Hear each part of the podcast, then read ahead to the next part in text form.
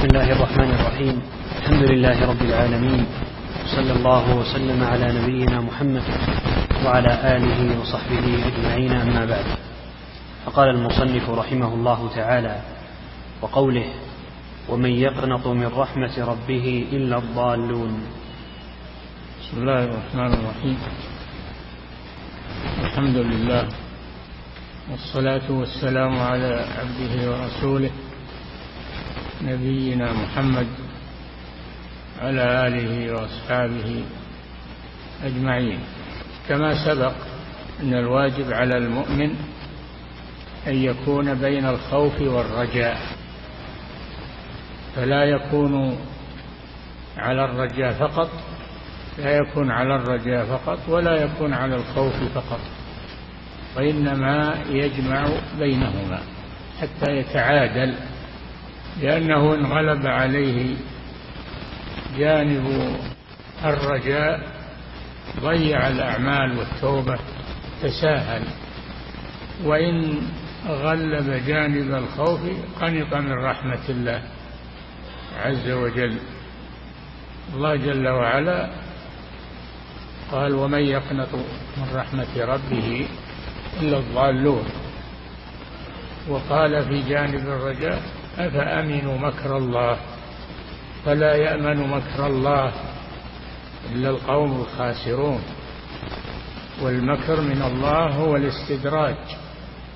استدراج العبد إذا أمن من مكر الله فإنه يستدرج حتى يهلك فلا يقتصر على الخوف فقط ولا يقتصر على الرجاء فقط وإنما يجمع بينهما فيكون خائفا راجيا.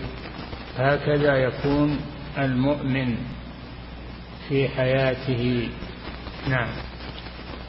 قال الشارح رحمه الله القنوط استبعاد الفرج واليأس منه. إيه نعم. القنوط هو استبعاد الفرج. إذا نزل شدة فإنه يستبعد الفرج منها. هذا هو القنوط من رحمة الله وهذا ضلال. من يقنط من رحمة ربه إلا الضالون. نعم. القنوط استبعاد الفرج واليأس منه وهو يقابل الأمن من مكر الله. إي نعم. الجانب الثاني المقابل الأمن من مكر الله. من استدراجه للعبد افامنوا مكر الله؟ فلا يأمن مكر الله إلا القوم الخاسرون. الإنسان لا يأمن من العقوبة أيحسبون أن ما نمدهم به من مال وبنين نسارع لهم في الخيرات بل لا يشعرون. المؤمن يكون بين الخوف والرجاء. هذا الذي شرعه الله للمؤمن. نعم. وكلاهما ذنب عظيم. كلاهما الأمن من مكر الله واليأس من رحمة الله. كلاهما منحرف عن الحق. نعم. وتقدم ما فيه لمنافاته لكمال التوحيد. نعم. وذكر المصنف من مكر الله. يتنافى ما يتنافى مع التوحيد فلا يكون كافرا. ولكنه يتنافى مع كمال مع كمال التوحيد. نعم. وذكر المصنف رحمه الله هذه الآية مع التي قبلها تنبيها على أنه لا يجوز لمن خاف الله أن يقنط من رحمته. أي نعم. بل يكون خائفا راجيا. لا يكون لمن خاف الله يقنط من رحمته ولا يجوز لمن يرجو رحمة الله أن يأمن من عقابه. نعم. بل يكون خائفا راجيا يخاف ذنوبه ويعمل بطاعة الله ويرجو رحمته. يخاف ذنوبه ويرجو رحمته يخاف ويرجو. هكذا المؤمن.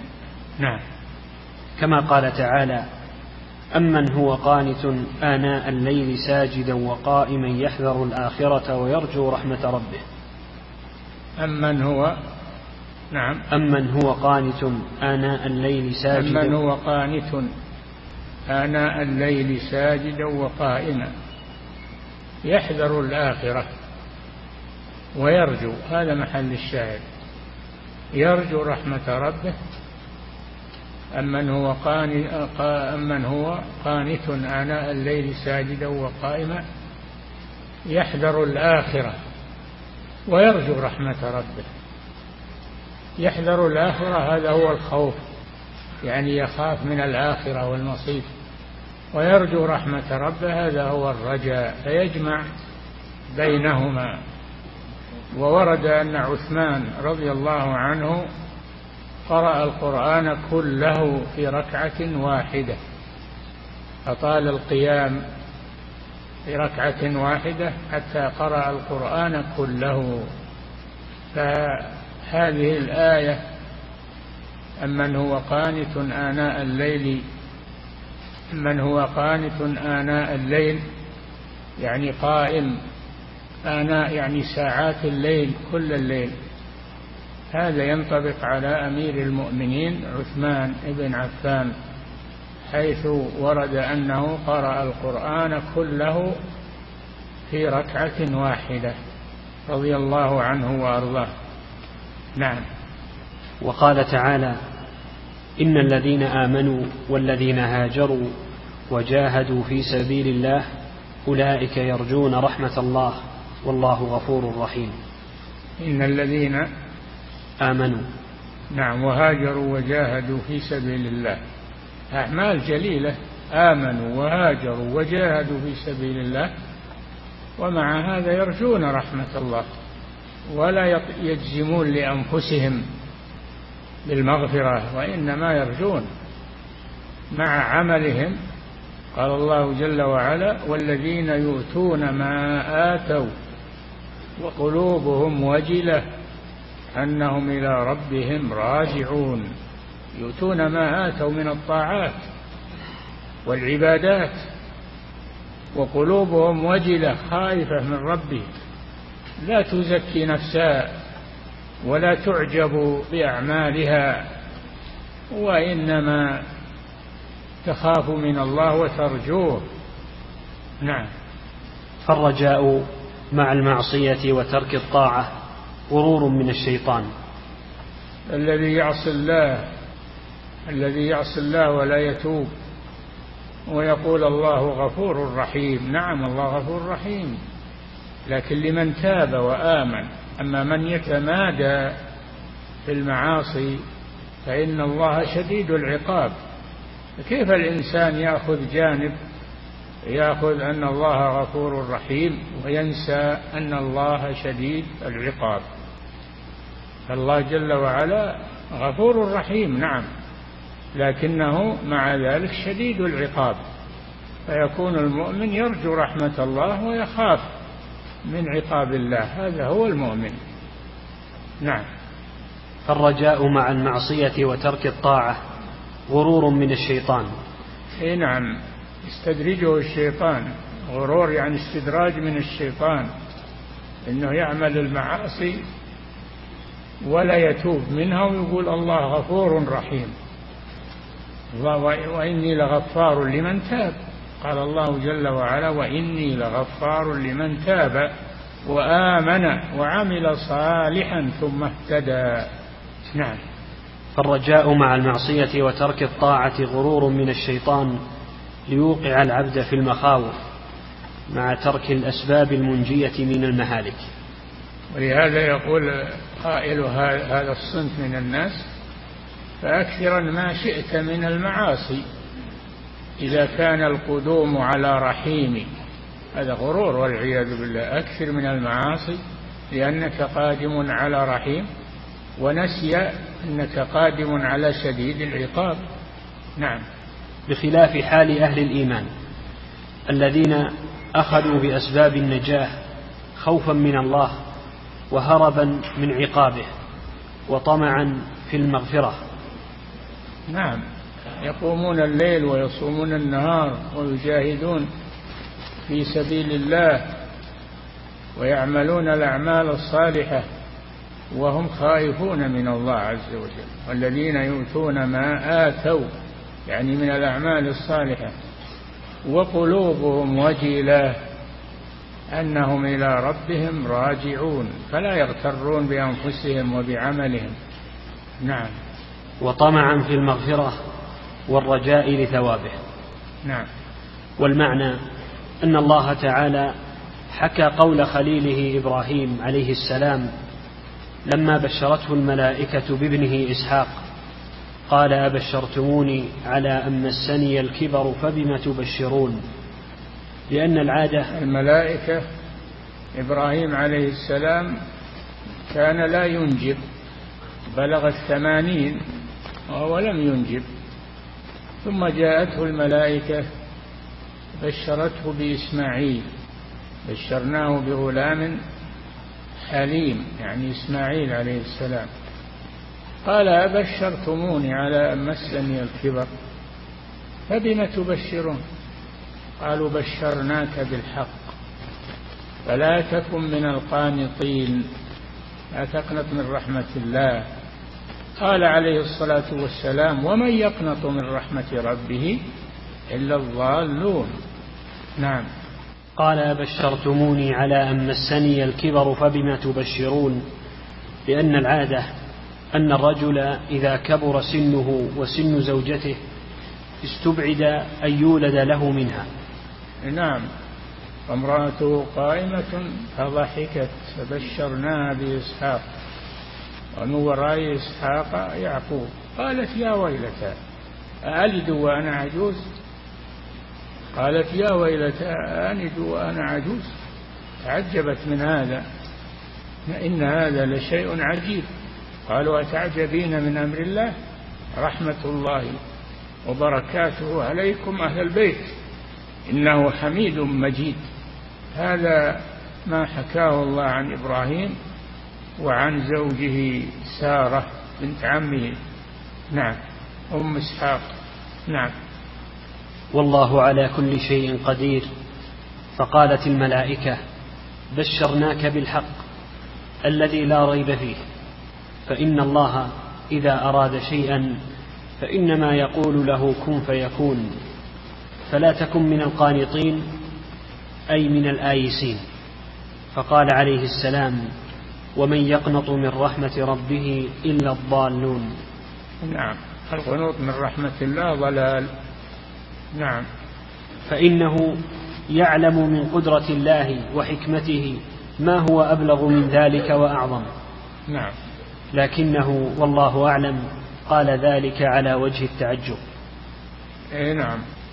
ولا يستبعد أنه يولد له إذا أراد الله. ولكنه قال هذا من باب التعجب. أبشرتموني على أن مسني الكبر. هذا من باب التعجب من أمر الله سبحانه وتعالى. نعم. قوله إلا الضالون. قال بعضهم إلا المخطئون طريق الصواب. قال قوله إلا الضالون قال بعضهم إلا المخطئون طريق الصواب. الضال هو الذي يمشي على غير طريق صحيح. الضايع. الضال هو الضايع الذي أخطأ الطريق. وكذلك الذي يقنط من رحمة الله هذا يمشي على غير طريق على غير طريق صحيح. المسلم لا يقنط من رحمة الله مهما أصابه. نعم. قال بعضهم إلا المخطئون طريق الصواب أو إلا الكافرون. الضالون الضلال يطلق على إخطاء الطريق. يقال ضل إذا أخطأ الطريق. ويطلق ويطلق الضال على الكافر. فالآية محتملة. أنه لا ييأس من روح الله إلا القوم الكافرون. وكذلك لا يقنط من رحمة الله إلا المخطئون. نعم. كقوله إنه لا ييأس من روح الله إلا القوم الكافرون. نعم. قال المصنف رحمه الله تعالى وعن ابن عباس رضي الله عنهما أن رسول الله صلى الله عليه وسلم سئل عن الكبائر فقال الشرك بالله واليأس من روح الله والأمن من مكر الله. نعم الكبائر كثيرة الكبائر كثيرة وضابطها كل ذنب توعد الله عليه بعقوبة كاللعنة والغضب والعذاب فإنه كبيرة. وكل ذنب نهى الله عنه ولم يتوعد عليه بعقوبة فإنه من الصغائر. الله جل وعلا يقول إن تجتنبوا كبائر ما تنهون عنه نكفر عنكم سيئاتكم يعني الصغائر. نعم فالصغائر تكفر بمكفرات كثيرة منها اجتناب الكبائر. نعم. أن رسول الله صلى الله عليه وسلم سئل عن الكبائر فقال الشرك بالله واليأس. سئل عن أكبر الكبائر. أكبر الكبائر الشرك بالله. نعم. واليأس روح الله. قال تعالى إن الشرك لظلم عظيم. إنه من يشرك بالله قد حرم الله عليه الجنة ومأواه النار وما للظالمين من أنصار. الشرك هو أكبر الكبائر. نعم. الشرك بالله واليأس من روح الله. واليأس من, رح يعني من روح الله يعني من رحمة الله. وهو القنوط. ومن يقنط من رحمة ربه إلا الضالون. الياء القنوط هو اليأس من رحمة الله. نعم. والأمن من مكر الله. والأمن من مكر الله. الاستدراج. قد يستدرج الله العبد بالنعم وهو يعصيه لأجل أن يستدرجه فيزداد من المعاصي والعياذ بالله. يستدرجه حتى يزداد من المعاصي فيهلك عقوبة له. نعم. هذا الحديث رواه البزار وابن أبي حاتم من طريق شبيب بن بشر عن عكرمة عن ابن عباس رضي الله عنهما ورجاله ثقات إلا شبيب بن بشر. نعم. فقال ابن معين ثقة ولينه أبو حاتم. نعم. وقال ابن كثير في إسناده نظر والأشبه أن يكون موقوفا. الموقوف ما كان من كلام الصحابي. نعم. قوله الشرك بالله هو أكبر الكبائر. أي نعم. الشرك بالله هو أكبر الكبائر وهو الشرك بالله هو أن يعبد مع الله غيره. أن يعبد مع الله غيره. يعبد الله ثم يعبد الأشجار والأحجار والقبور وغير ذلك. نعم. قال ابن القيم رحمه الله الشرك بالله هضم للربوبية وتنقص للإلهية وسوء ظن برب العالمين. انتهى. هذا الشرك بالله لماذا صار أكبر الكبائر؟ لأنه هضم للربوبية. نعم. هضم للربوبية وتنقص للإلهية. وتنقص للإلهية. لأن الله جل وعلا رب العالمين وهو الإله الحق. لا إله إلا هو. نعم. وسوء ظن برب العالمين. وسوء ظن برب العالمين وهذا من أكبر الكبائر. يظنون بالله غير الحق ظن الجاهلية. هذا من أمور الجاهلية سوء الظن بالله عز وجل. والله يقول لأهل النار وذلكم ظنكم الذي ظننتم بربكم أرداكم فأصبحتم من الخاسرين. نعم. ولقد ساءوا الظن بالله. نعم. ولقد صدق ونصح. قال تعالى ثم الذين كفروا بربهم يعدلون. ثم الذين هو الذي خلقكم من طين ثم قضى أجلا وأجل مسمى عنده. ثم أنتم ثم أنتم إيش؟ تمترون. فالله جل وعلا هو الإله وهو الرب. الذي تفرد بالألوهية وبالربوبية فلا يدعى إلا هو ولا يرجى إلا هو ولا يعتمد ويتوكل إلا عليه سبحانه وتعالى. نعم.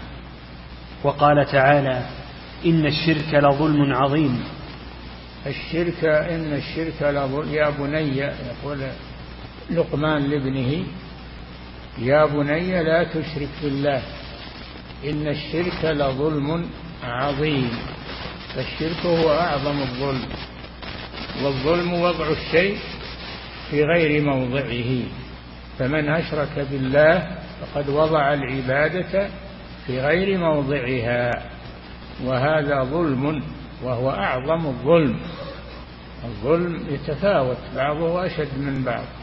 وأشد الظلم هو الشرك والعياذ بالله. ثم ظلم العباد. نعم. قال تعالى إن الشرك لظلم عظيم ولهذا لا يغفره الله إلا بالتوبة منه. الشرك لا يغفره الله إلا بالتوبة منه. إنه من يشرك بالله قد حرم الله عليه الجنة ومأواه النار. وما للظالمين من أنصار. الشرك لا يغفر أبدا. من مات عليه فلا يغفر له ومأواه النار. هذا يحذر من الشرك. الإنسان يبتعد عن الشرك لئلا يصيبه ويختم له به فيكون من أهل النار. يلقى الله بالشرك والعياذ بالله. إن الله لا يغفر أن يشرك به. لا يغفره الله. مع أن الله غفور رحيم. لكنه لا يغفر للمشرك. إن الله لا يغفر أن يشرك به. ويغفر ما دون ذلك. يعني ما دون الشرك لمن يشاء. الكبائر التي دون الشرك قد يغفرها الله جل وعلا. فالكبائر التي دون الشرك لا يكفر الإنسان بها وإنما يكون مذنبا تحت مشيئة الله عز وجل. وإن كان ذنبه من الكبائر التي لم تصل إلى الشرك فإنه يرجى له المغفرة والرحمة ما دام أنه مؤمن. ولو أساء ولو أخطأ ولو آه، عصى فإنه ترجى له المغفرة بإيمانه.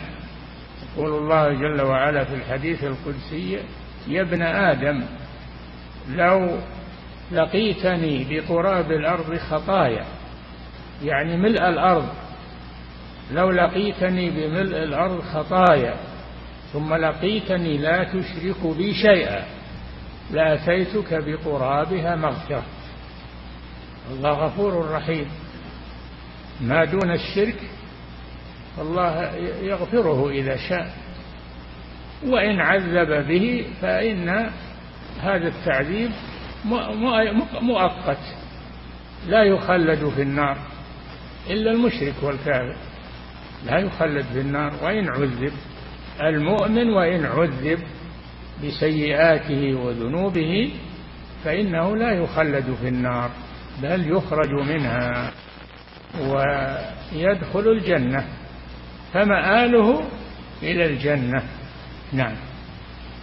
قوله واليأس من روح الله أي قطع الرجاء والأمل من الله. قطع الرجاء رجاء الله جل وعلا وقطع الرجاء والأمل من الله. والأمل. من الله عز وجل. فأمل بربك خيرا وارجو ربك. ولو كانت لك ذنوب فإن الله يغفرها. وإن عذبك بها فالعذاب مؤقت. ولا يخلد في النار إلا الكافر والمشرك. نعم. قطع الرجاء والأمل من الله فيما يخافه ويرجوه. وذلك إساءة ظن بالله. سوء ظن بالله. ولهذا يقول الله للكفار إذا دخلوا النار وذلكم ظنكم الذي ظننتم بربكم أرداكم. فأصبحتم من الخاسرين. فإن يصبروا فالنار مثوى لهم وأن يستعتبوا فما هم من المعتبين لو طلبوا المسامحة لم يسامحهم الله. إذا لقوا الله بالشرك والكفر لن يسامحهم الله أبدا. أما المؤمن إذا لقي ربه بالمعاصي التي دون الشرك فإنه حري يغفر الله له وأن يسامحه. نعم. وذلك إساءة ظن بالله وجهل به وبسعة رحمته وجوده ومغفرته. نعم. قوله والأمن من مكر الله أي من استدراجه للعبد. وجاء في الحديث أن رجلا ممن كان قبلنا كان يرى أخاه على المعصية فينصحه وينهاه عنها ثم يراه مرة ثانية فينصحه وينهاه عنها ثم يراه بعد ذلك فقال هذا الرجل والله لا يغفر الله لفلان والله لا يغفر الله لفلان. قال الله جل وعلا من ذا الذي يتألى علي يعني يحلف علي أن لا أغفر لفلان إني قد غفرت له وأحببت عملك. فالمسلم يرجو رحمة الله مهما كان عمله ما دام أنه لم يشرك بالله يرجو رحمة الله لكن لا يأمن من مكر الله. لا يأمن من مكر الله أن الله يستدرجه ثم يهلكه بذنوبه. نعم. والأمن من مكر الله أي من استدراجه للعبد وسلبه ما أعطاه من الإيمان. نعوذ بالله من ذلك. نعم. وذلك جهل بالله وبقدرته وثقة بالنفس وعجب بها. نعم. واعلم أن هذا الحديث لم يرد به حصر الكبائر في الثلاث. نعم. واعلم أن هذا الحديث إي نعم. لم يرد به حصر الكبائر في الثلاث. السؤال عن أكبر الكبائر. ما هو عن الكبائر؟ إنما عن أكبر الكبائر. نعم. بل الكبائر كثيرة. نعم. وهذه الثلاث من أكبر الكبائر المذكورة في الكتاب والسنة. وضابطها ما قاله المحققون من العلماء. كل ذنب ختمه الله بنار. الكبيرة ما هو؟ ما هي الكبيرة؟ انتبهوا. نعم. كل ذنب ختمه الله بنار أو لعنة أو غضب أو عذاب. نعم كل معصية توعد الله عليها بغضب. أو توعد عليها بنار أو توعد عليها بأي نوع من أنواع الوعيد فهي كبيرة. وأما المعصية التي لم يتوعد الله عليها فهي معصية من الصغائر. نعم. كل ذنب ختمه الله بنار أو لعنة أو غضب أو عذاب. هذا ضابط الكبيرة. نعم. زاد شيخ الإسلام ابن تيمية رحمه الله أو نفي الإيمان. أو ختمه بنفي الإيمان كقوله لا يزني الزاني حين يزني وهو مؤمن. لا يسرق السارق حين يسرق وهو مؤمن. ولا ينتهب نهبة يرفع الناس إليه فيها أبصارهم حين ينتهبها وهو مؤمن. بمعنى أن الإيمان يزول عنه حال وقوعه في المعصية ثم يرجع إليه بعد ذلك. نعم. قلت ومن برئ منه رسول الله صلى الله نعم. عليه قلت ومن برئ منه رسول الله. كذلك من ضوابط الكبيرة من برئ منه رسول الله صلى الله عليه وسلم كأن يقول من فعل كذا وكذا فليس منا. نعم. قلت ومن برئ منه رسول الله صلى الله عليه وسلم أو قال ليس منا من فعل كذا وكذا اي نعم. وعن ابن عباس رضي الله عنهما هي إلى سبعمائة أقرب إلى سبع الكبائر كثيرة هي إلى سبعمائة كبيرة. أقرب. نعم. هي إلى سبعمائة أقرب إلى سبع. السبع, السبع هي أكبرها السبع هي أكبر الكبائر. وما دونها فإنها كبائر لكنها ليست أكبر الكبائر. نعم. غير أنه لا كبيرة مع الاستغفار. ولا غير أنه لا كبيرة مع الاستغفار. فإذا استغفر المسلم ربه وإن كان عنده كبائر وهو استغفر الله صادقا في ذلك فإن الله يغفرها له. قال الله جل وعلا يا عبادي إنكم تخطئون في الليل والنهار وأنا أغفر الذنوب جميعا استغفروني أغفر لكم. نعم.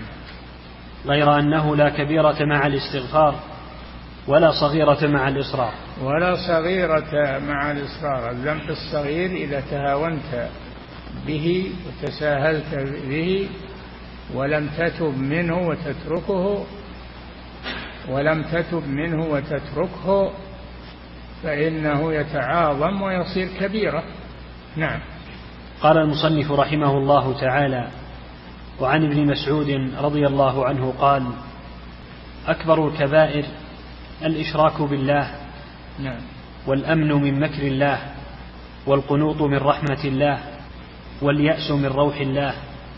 رواه عبد الرزاق. هذا قول ابن مسعود. قال أكبر الكبائر الإشراك بالله. لا شك أن الإشراك بالله هو أكبر الكبائر. نعم. والأمن من مكر الله. وكذلك ثاني الأمن من مكر الله. يقترف المعاصي ويتساهل بها ويقول الله غفور رحيم ولا يتوب. نعم. والقنوط من رحمة الله. والقنوط من رحمة الله. واحد لما أذنبوا كثرت الذنوب ظن أن الله لا يغفر له فترك الاستغفار لأنه ظن أن الله لا يغفر له ولا يتقبل استغفاره. نعم. واليأس من روح الله. من رحمة الله. من روح الله يعني رحمة الله وفرج الله.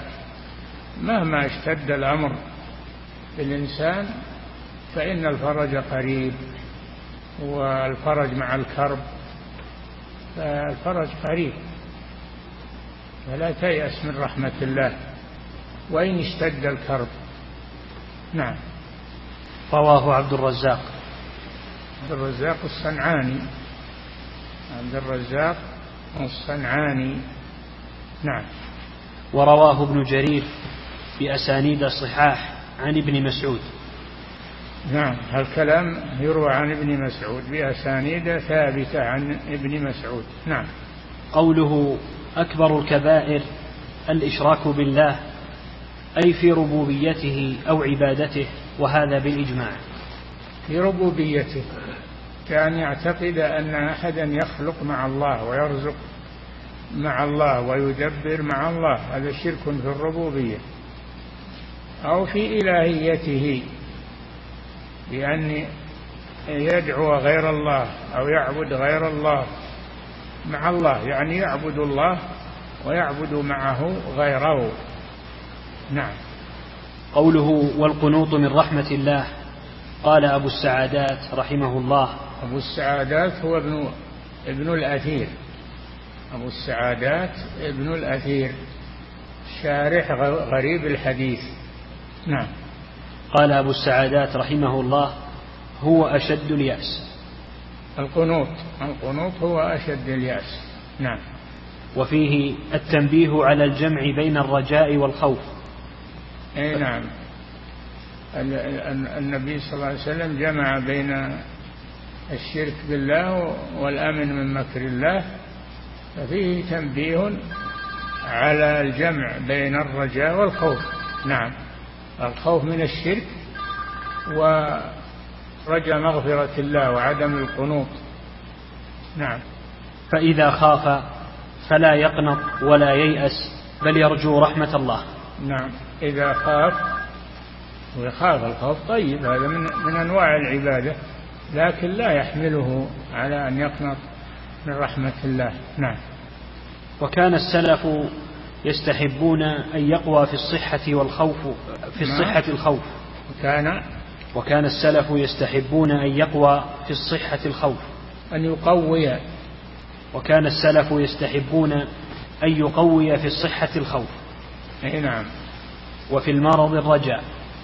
أي نعم. يقوي هو يخاف يرجو ولكنه في الصحة يقوي الخوف من الله أن الله يستدرجه. يخاف من الله اللي أنعم عليه ووالى عليه النعم أن هذا استدراج منه سبحانه وتعالى. وفي حالة المرض وحالة الفقر والفاقة لا يقنط من رحمة الله. نعم. وكان السلف يستحبون أن يقوي في الصحة الخوف.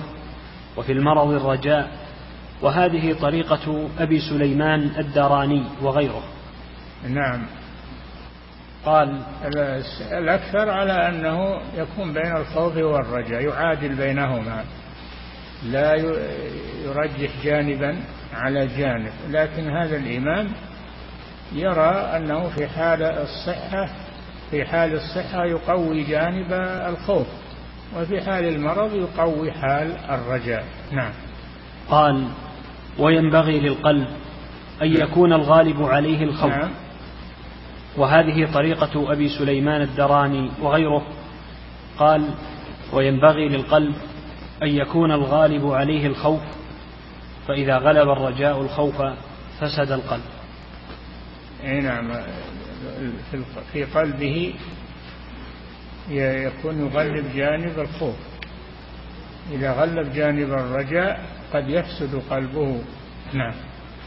قال تعالى إن الذين يخشون ربهم بالغيب لهم مغفرة وأجر كبير. إن الذين يخشون ربهم بالغيب يعني حال غيبتهم عن الناس. ما هو إذا صار مع الناس تنسكوا تعبد وإذا وإذا صار الحال ضيع. هذا في الغيب. في الغيب حال غيبته عن الناس فهو يخاف الله سواء كان مع الناس أو غائبا عنهم. ويرجو رحمة الله سواء كان مع الناس أو غائبا عنهم. نعم. وقال يخافون يوما تتقلب فيه القلوب والأبصار. يخافون يوما يخافون أي العباد المتقون. يوما هو يوم القيامة. تتقلب فيه القلوب تصعد إلى الحلق من الخوف تصعد من من الصدر القلوب تصعد من الصدر إلى الحلق من شدة الخوف. إذ القلوب لدى الحناجر كاظمين. نعم.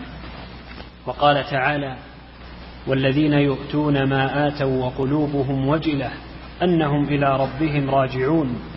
أولئك يسارعون في الخيرات وهم لها سابقون. والذين يؤتون ما آتوا من الأعمال الصالحة والطاعات ولا يغترون بذلك. يؤتون ما آتوا وقلوبهم وجلة يعني خائفة من الله أنهم إلى ربهم راجعون يخافون الوقوف بين يدي الله سبحانه وتعالى. نعم. وقال أمن هو قانت آناء الليل ساجدا وقائما يحذر الآخرة ويرجو رحمة ربه. نعم. من هو قانت؟ قانت يعني قائم العبادة. آناء الليل ير... نعم أمن هو قانت آناء الليل ساجدا وقائما. يرجو رحمة ربه. قالوا هذه الآية والله أعلم. تنطبق على أمير المؤمنين عثمان رضي الله عنه فإنه قرأ القرآن في ركعة واحدة. نعم. قدم الحذر على الرجاء في هذه الآية. أمن هو قانت آناء الليل ساجدا وقائما. يحذر الآخرة. قدم الحذر. قدم الخوف على الرجاء يحذر الآخرة ويرجو رحمة ربه. نعم. قال المصنف رحمه الله تعالى فيه مسائل. نعم. الأولى تفسير آية الأعراف. يعني في هذا الباب الذي هو الباب أفأمنوا مكر الله. ها؟ قول الله تعالى أفأمنوا مكر الله. باب قوله تعالى أفأمنوا مكر الله. وما ورد فيه من الآيات فيه مسائل والمسائل هي فقه الباب. نعم. الأولى تفسير آية الأعراف. تفسير آية الأعراف وهي؟ أفأمنوا مكر الله. ها؟ أفأمنوا مكر الله. أفأمنوا مكر الله فلا يأمن مكر الله إلا القوم الخاسرون.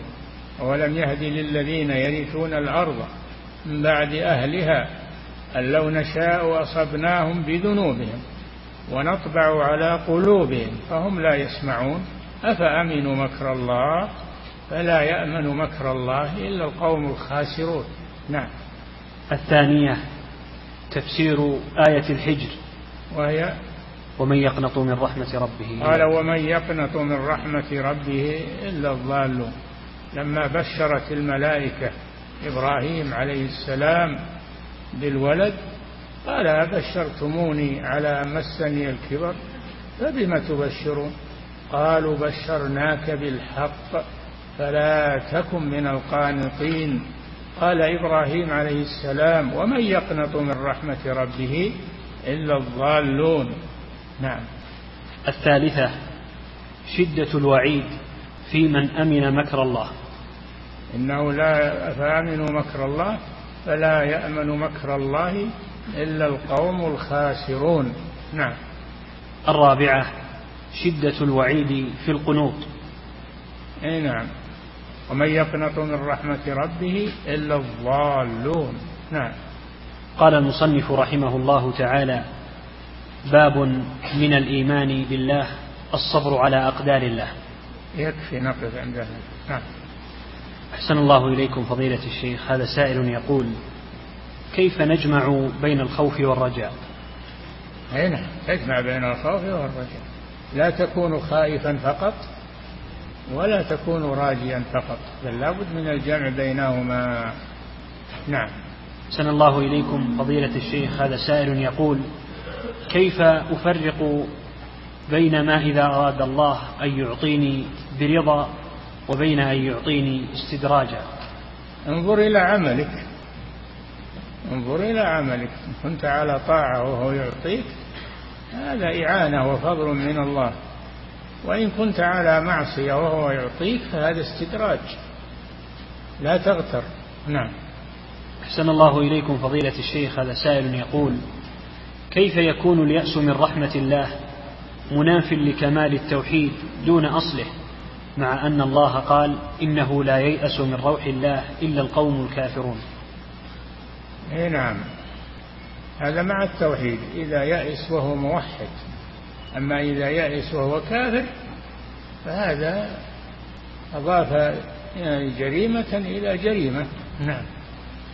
أحسن الله إليكم فضيلة الشيخ هذا سائل يقول هل يصح أن يقال أن أركان العبادة ثلاثة؟ المحبة والخوف والرجاء استدلالا بأول سورة الفاتحة. لا. العبادة لها أنواع كثيرة. قال شيخ الإسلام العبادة اسم جامع لكل ما لكل ما يحبه الله ويرضاه من الأعمال والأقوال الظاهرة والباطنة. العبادة أنواع كثيرة. نعم. أحسن الله إليكم فضيلة الشيخ هذا سائل يقول في قوله تعالى إنه لا ييأس من روح الله إلا القوم الكافرون هل هو الكفر المخرج من الملة؟ إي نعم قوم الكافرون هم اللي يئسون من رحمة الله وأما المؤمن فهو يرجو يرجو رحمة الله ولا ييأس إذا يأس صار مع الكفار. نعم. أحسن الله إليكم فضيلة الشيخ هذا سائل يقول ما أعظم ذنب؟ هل هو الشرك بالله أو القول على الله بلا علم؟ القول على الله بغير علم والشرك بالله يدخل في القول على الله بغير علم. نعم. أحسن الله إليكم فضيلة الشيخ هذا سائل يقول لماذا قال الله في اليأس من روح الله الكافرون وقال في القنوط من رحمة الله الضالون. نعم الكفر والضلال. الكافر يقال له ضال. نعم. أحسن الله إليكم فضيلة الشيخ هذا سائل يقول هل صحيح من يقول في ضابط الصغيرة كل ذنب نهى الله عنه ولم يتوعد عليه بوعيد خاص أي نعم. الصغيرة ما نهى الله عنه ولم يرتب عليه عقوبة. نعم. أحسن الله إليكم فضيلة الشيخ. هذا سائل يقول ما الفرق بين روح الله وبين رحمة الله؟ حيث أن بعض أهل العلم يقول أن تفسير صفة بأخرى مطابقة من مسالك الغلط. إيش؟ يقول ينقل عن بعض أهل العلم أن تفسير صفة بأخرى مطابقة من مسالك الغلط إيه؟ الغلط ها؟ من مسائل من مسالك الخطأ ها؟ من مسائل إيش؟ مسالك مسالك إيش؟ الغلط الغلط نعم هذا كلام غير معروف ومن هو اللي قال الكلام هذا؟ يحتاج إلى أن يعرف من هو ويعرف دليله ومستنده نعم ما الإنسان ما يقول على الله بغير علم. ما كلف الله. نعم. أحسن الله إليكم. فضيلة الشيخ هذا سائل يقول بعض الصوفية يرون أن العبد يصل إلى درجة يعبد الله لا خوفا من عقابه ولا رجاء من ثوابه بل يعبد الله ليشكر. هذا ضلال والعياذ بالله. هذا ضلال. وخروج عما جاء في الكتاب والسنة. يقولون ما نعبد الله خوفا من عقابه ولا رجاء لثوابه وإنما نعبده لأننا نحبه. هذا مسلك الصوفيه نعبد الله ونحبه ونخافه ونرجوه سبحانه وتعالى. نعم. أحسن الله إليكم ويقول ويستدلون بحديث أفلا أكون عبدا شكورا ما هو بدليل لهم هذا؟ لما قالوا للنبي صلى الله عليه وسلم قالت له عائشة رضي الله عنها لما قام حتى تفطرت قدماه من طول القيام. قالت لم تفعل هذا؟ وقد غفر الله لك ما تقدم من ذنبك وما تأخر. قال أفلا أكون عبدا شكورا؟ هذا كلام الرسول صلى الله عليه وسلم. نعم. أحسن الله إليكم فضيلة الشيخ هذا سائل يقول هل الابتلاء يكون بسبب ذنوب العبد أم يكون في بعضها رفعة؟ يكون هذا ويكون هذا. يكون الابتلاء عقوبة على الذنوب ويكون رفعة في درجاته. إذا كان العبد له منزلة في الجنة لا يصل إليها بأعماله فإن الله يبتليه بالمصائب حتى يبلغ هذه المنزلة. نعم ليرفع درجاته يبتليه بالمصائب حتى يصبر عليها فيصل إلى هذه المنزلة التي له في الجنة. نعم. أحسن الله إليكم فضيلة الشيخ. هذا سائل يقول هل من اتبع أهل البدع ووالاهم يعتبر مشركا بالله؟ اتبعهم في أي شيء. إن اتبعهم بالشرك صار مشركا بالله. وإن اتبعهم بالمعاصي صار عاصيا. نعم. أحسن الله إليكم فضيلة الشيخ. هذا سائل يقول هل يشمل الأمر برجاء الله برجاء رحمة الله والنهي عن القنوط من رحمة الله أمور الدنيا؟ كيف أمور الدنيا؟ ما فهمت السؤال هذا. نعم. أحسن الله إليكم فضيلة الشيخ هذا سائل يقول هل الشرك يغفره الله؟ يغفره بالتوبة. لا يغفره إلا بالتوبة. أما من مات ولم يتب فإن الله لا يغفر له. من لقي الله لا يشرك به شيئا دخل الجنة ومن يأتي يشرك به شيئا دخل النار. نعم.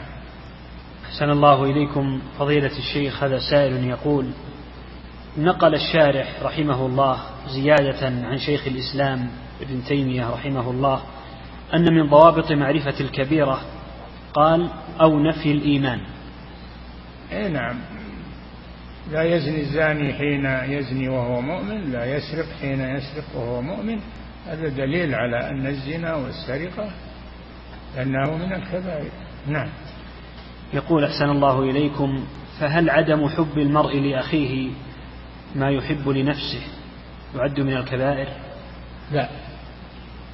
لا يؤمن أحدكم حتى يحب لأخيه. هذا من مكملات الإيمان. ومعناه أنه ما يصير مؤمن إلا إذا أحب لأخيه ما يحب لنفسه ولا يصير كافر لا. ليس هكذا. نعم.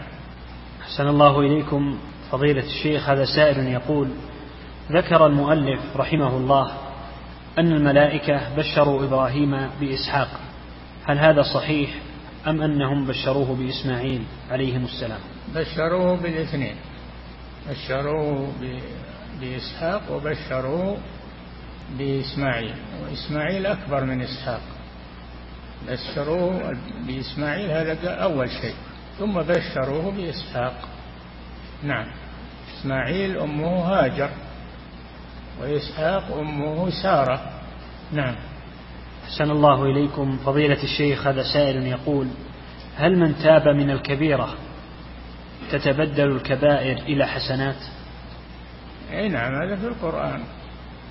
بدل الله سيئاتهم حسنات بمعنى أن الله يوفقهم لعمل حسنات تمحو هذه السيئات. نعم. أحسن الله إليكم. فضيلة الشيخ هذا سائل يقول هل جميع الصغائر منصوص عليها في الكتاب والسنة أم أن بعضها تحتاج إلى استنباط واجتهاد؟ كل ما نهى الله عنه ولم يرتب عليه وعيدا في الدنيا آه، حدا في الدنيا لم يرتب عليها حدا في الدنيا ولا وعيدا في الآخرة هي من الصغائر. نعم. أحسن الله إليكم فضيلة الشيخ هذا سائل يقول كيف يكون الذنب من الصغائر كبيرة. إذا أصر عليه إذا أصر عليه وتهاون به صار كبيرا نعم. أحسن الله إليكم فضيلة الشيخ هذا سائل يقول ما حكم السجود ما حكم السجود للصور؟ هل تعد شركا بالله؟ كيف؟ يقول ما حكم السجود للصور؟ ما في شك هذا شرك بالله. ولذلك نهى النبي صلى الله عليه وسلم إذا لقي المسلم أخاه أن ينحني له الانحنى ركوع لا يجوز الانحناء. نعم. فكيف بالسجود؟ نعم. أحسن الله إليكم فضيلة الشيخ هذا سائل يقول في قول النبي صلى الله عليه وسلم أنا بريء من كل من أقام بين ظهراني المشركين. هل هو دليل على أن هذه هذا الفعل كبيرة؟ أي نعم. الإقامة بين أظهر المشركين والاستقرار بينهم ولا يهاجر إلى ديار المسلمين ينطبق عليه هذا الوعيد. نعم. أحسن الله إليكم. فضيلة الشيخ هذا سائل يقول كيف نوفق بين قول بين حديث لا يموتن أحدكم إلا وهو يحسن الظن بالله وبين حديث رجل من بني إسرائيل؟ الذي أمر أولاده أن يحرقوه ويرموه في البحر. نعم لأنه فعل هذا خوفا من الله. فعل هذا أمرهم أن يحرقوه وأن يدعوه في الهواء خوفا من الله من شدة الخوف من الله. نعم. أحسن الله إليكم فضيلة الشيخ. هذا سائل يقول في قول الله تعالى وإن أحد من المشركين استجارك فأجره حتى يسمع كلام الله. يقول هل في هذه الآية دليل على أنه لإقامة الحجة على المجتمع لا يلزم بلوغ الحجة لكل شخص عينا؟ كيف؟ يقول هل في هذه الآية دليل على أنه لإقامة الحجة على المجتمع لا يلزم بلوغ الحجة لكل شخص عينا؟ الله جل وعلا قال لنبيه صلى الله عليه وسلم فلينذركم به ومن بلغ. وأوحي إلي هذا القرآن لينذركم به ومن بلغ. فمن بلغه القرآن قامت عليه الحجة. نعم. أحسن الله إليكم فضيلة الشيخ. هذا سائل يقول رجل يذهب إلى القبور ويقول لصاحب القبر يا فلان أعطني ويا فلان أغثني. فهل هذا الرجل يعد مشركا بالله؟ ما في شك اللي يدعو القبور ويطلب منها الحوائج هذا مشرك من الشرك الأكبر والعياذ بالله. وهذا حال القبوريين الآن مع القبور. يذهبون إليها لا للزيارة والسلام عليها وإنما لدعائها من دون الله وطلب الحوائج منها. هذا شرك أكبر. نعم. أحسن الله إليكم فضيلة الشيخ. هذا سائل يقول ما حكم قول يا أحب الناس عندي؟ يقول ما حكم قول يا أحب الناس عندي؟ هذا غلو هذا غلو مبالغة. لو قال يا حبيبي يا صديقي يا لا بأس أما أنه أحب الناس أحب الناس إليك هو رسول الله صلى الله عليه وسلم. نعم. أحسن الله إليكم فضيلة الشيخ هذا سائل يقول هل يجوز قراءة أذكار الصباح والمساء بصيغة الجمع عن نفسه وزوجه وأولاده؟ لا بأس بذلك. إذا نوى إذا نوى بصيغة الجمع أولاده وأهله فلا بأس. نعم. أحسن الله إليكم فضيلة الشيخ هذا سائل يقول هل المجوس والصابئة يدخلون في مسمى أهل الكتاب أم أنهم أقرب للشرك؟ المجوس يقال إن لهم كتاب ورفع ولذلك تؤخذ منهم الجزية لأن لهم كتاب ورفع فتؤخذ منهم الجزية كما تؤخذ من اليهود والنصارى. أهل الكتاب كما تؤخذ من أهل الكتاب من اليهود والنصارى. نعم.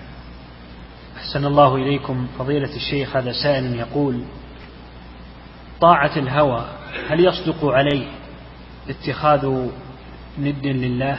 اتخاذها ندا لله؟ رأيت من اتخذ إلهه هواه فإذا أطاع هواه وعصى الله واتبع هواه فهذا اتخذ الهوى إلها اتخذ الهوى إلها والعياذ بالله. نعم. أحسن الله إليكم فضيلة الشيخ هذا سائل يقول هل حب الزوجة الكتابية ينافي كمال تمام العقيدة؟ هل؟ هل حب الزوجة الكتابية؟ حب طبيعي يا أخي ما هو حب عبادة لا. حب طبيعي كما تحب المال وتحب والديك وتحب أولادك هذا حب طبيعي لا تؤاخذ عليه. نعم. أحسن الله إليكم فضيلة الشيخ هذا سائل يقول هل يجوز لي أن أصلي مع أن أصلي الظهر خلف من يصلي العصر أو العكس؟ يقول هل يجوز لي أن أصلي الظهر خلف من يصلي العصر أو العكس؟ لا بأس بذلك. إنما الأعمال بالنيات وإنما لكل امرئ ما نوى. يجوز أن تصلي الظهر خلف من يصلي العصر. لا بأس بذلك. نعم. أحسن الله إليكم فضيلة الشيخ. هذا سائل يقول هل يجوز ترتيل الذكر بعد الصلاة؟ هل؟ يجوز ترتيل الذكر بعد الصلاة؟ ترتيل للقرآن. قال جل وعلا ورتل القرآن ترتيلا. أما الدعاء والذكر هذا لا يرتل. نعم. أحسن الله إليكم فضيلة الشيخ هذا سائل يقول هل يجوز لي أن أصلي نافلة بصلاتين أجمع بين نافلة العشاء وبين الشفع؟ لا. كل صلاة لها نية وتكون منفردة عن الأخرى. نعم. أحسن الله إليكم فضيلة الشيخ هذا سائل يقول لو قلت حلفت ما آخذ كذا فهل يعد حلفا وأنا لم أحلف؟ يعد كذبا. نعم. أحسن الله إليكم فضيلة الشيخ هذا سائل يقول ما حكم الزواج بنية الطلاق للضرورة لمن يدرس في الخارج ويخشى الفتن؟ هذه متعة. هذه متعة معنوية. فيتزوج زواج رغبة.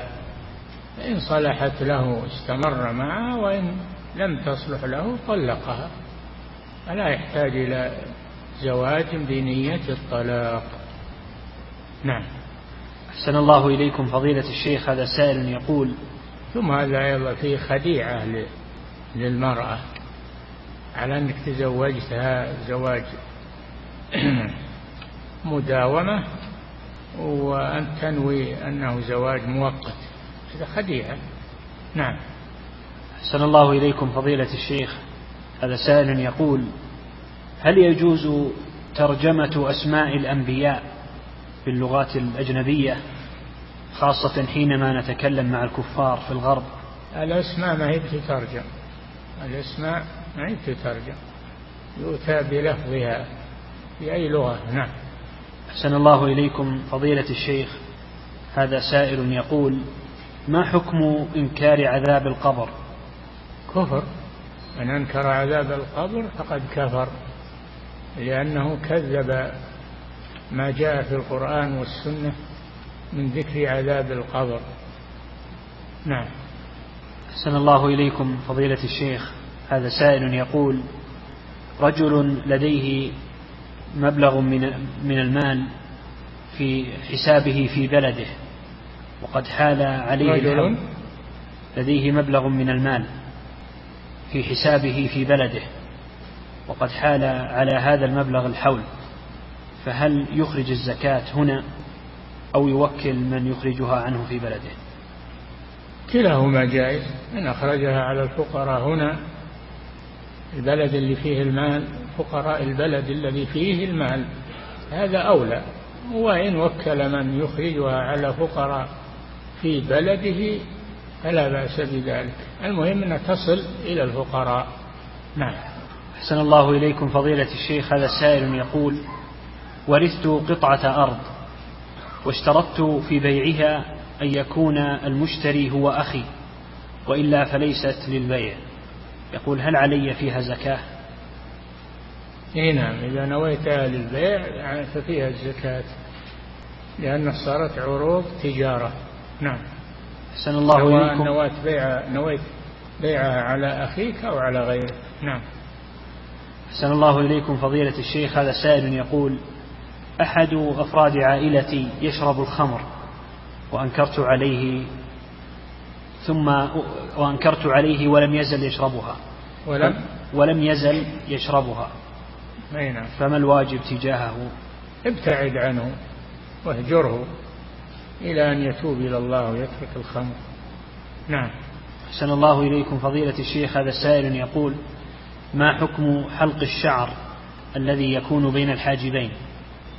لا يجوز. لا يجوز.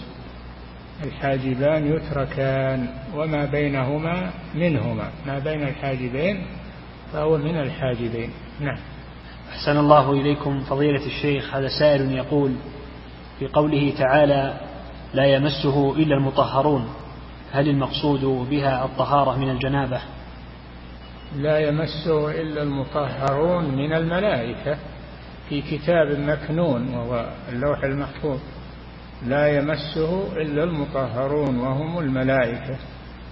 قالوا هذا فيه دلالة إشارة إلى أن الآدميين كذلك لا يمس القرآن إلا المطهرون. وفيه الحديث لا يمس القرآن إلا طاهر. نعم. أحسن الله إليكم فضيلة الشيخ. هذه سائلة تقول زوجي يضربني دائما ويقذفني بالزنا وقد صبرت عليه فماذا أصنع حياله اصبري عليه وإلا اطلب الفراق منه. نعم. أحسن الله إليكم فضيلة الشيخ. هذا سائل, هذا سائل يقول إذا فعلت المعصية وتبت إلا أني لا أندم عليها. فهل تقبل توبتي؟ لا ما تقبل لأن شروط التوبة ثلاثة. منها الندم على ما فات. نعم. أحسن الله إليكم فضيلة الشيخ. هذا سائل يقول ما حكم إظهار المرأة لعينها في النقاب بلا زينة؟ ما حكم؟ إظهار المرأة لعينها. في النقاب بلا زينة. بلا بلا زينة. إذا ما خرج إلا عينها فلا بأس. نعم. أحسن الله إليكم فضيلة الشيخ. هذا سائل يقول هل العدل في العطية بين الأولاد واجب على الأم كما هو واجب على الأب؟ لا هذا خاص بالأب. نعم. أحسن الله إليكم فضيلة الشيخ. هذا سائل يقول أسكن في قرية بعيدة عن البيوت. ويقول ولا أسمع أذان الجمعة فهل يجب علي حضورها؟ نعم. يقول أسكن في مكان بعيد عن البيوت ولا أسمع أذان الجمعة فهل يجب علي حضورها؟ أي نعم ما دمت بيتك مع مع البنيان مع القرية التي يؤذن فيها فيجب عليكم حضور الجمعة. نعم. أحسن الله إليكم فضيلة الشيخ. هذا سائل يقول هل يجوز بناء مسكن للفقير وأسرته من أموال الزكاة؟ يجوز هذا لكن هذا يقولون يطوي مال الزكاة ولا يصل إلى الفقراء شيء. فإذا كان هذا العمل يعني يستوعب الزكاة فلا يجوز لأنه يطوي الزكاة عن الفقراء الآخرين. نعم. أحسن الله إليكم فضيلة الشيخ.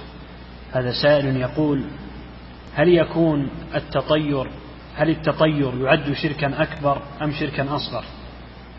يعني الشرك الأصغر إلا إذا اعتقد أن هذا الطائر وهذا الشيء أو هذه البقعة أنها تضره من دون الله فيكون شركا أكبر. أما إذا اعتقد أنها سبب أنها سبب للمكروه فهذا من الشرك الأصغر. نعم. أحسن الله إليكم فضيلة الشيخ هذا سائل يقول ما حكم قول لو أرادت الدولة الفلانية أن تدمر العالم لدمرتهم لما تملكه من الأسلحة والجيوش؟ هل هذا الكلام يقدح في التوحيد؟ إيه نعم هذا هذا ترهيب للمسلمين وتخويف للمسلمين والدولة مهما كان عندها من القوات فهي ضعيفة بجانب قوة الله سبحانه وتعالى قادر على أن يدمرها وهي وأسلحتها وبلادها أيضا وأن يخسف بهم الأرض. نعم.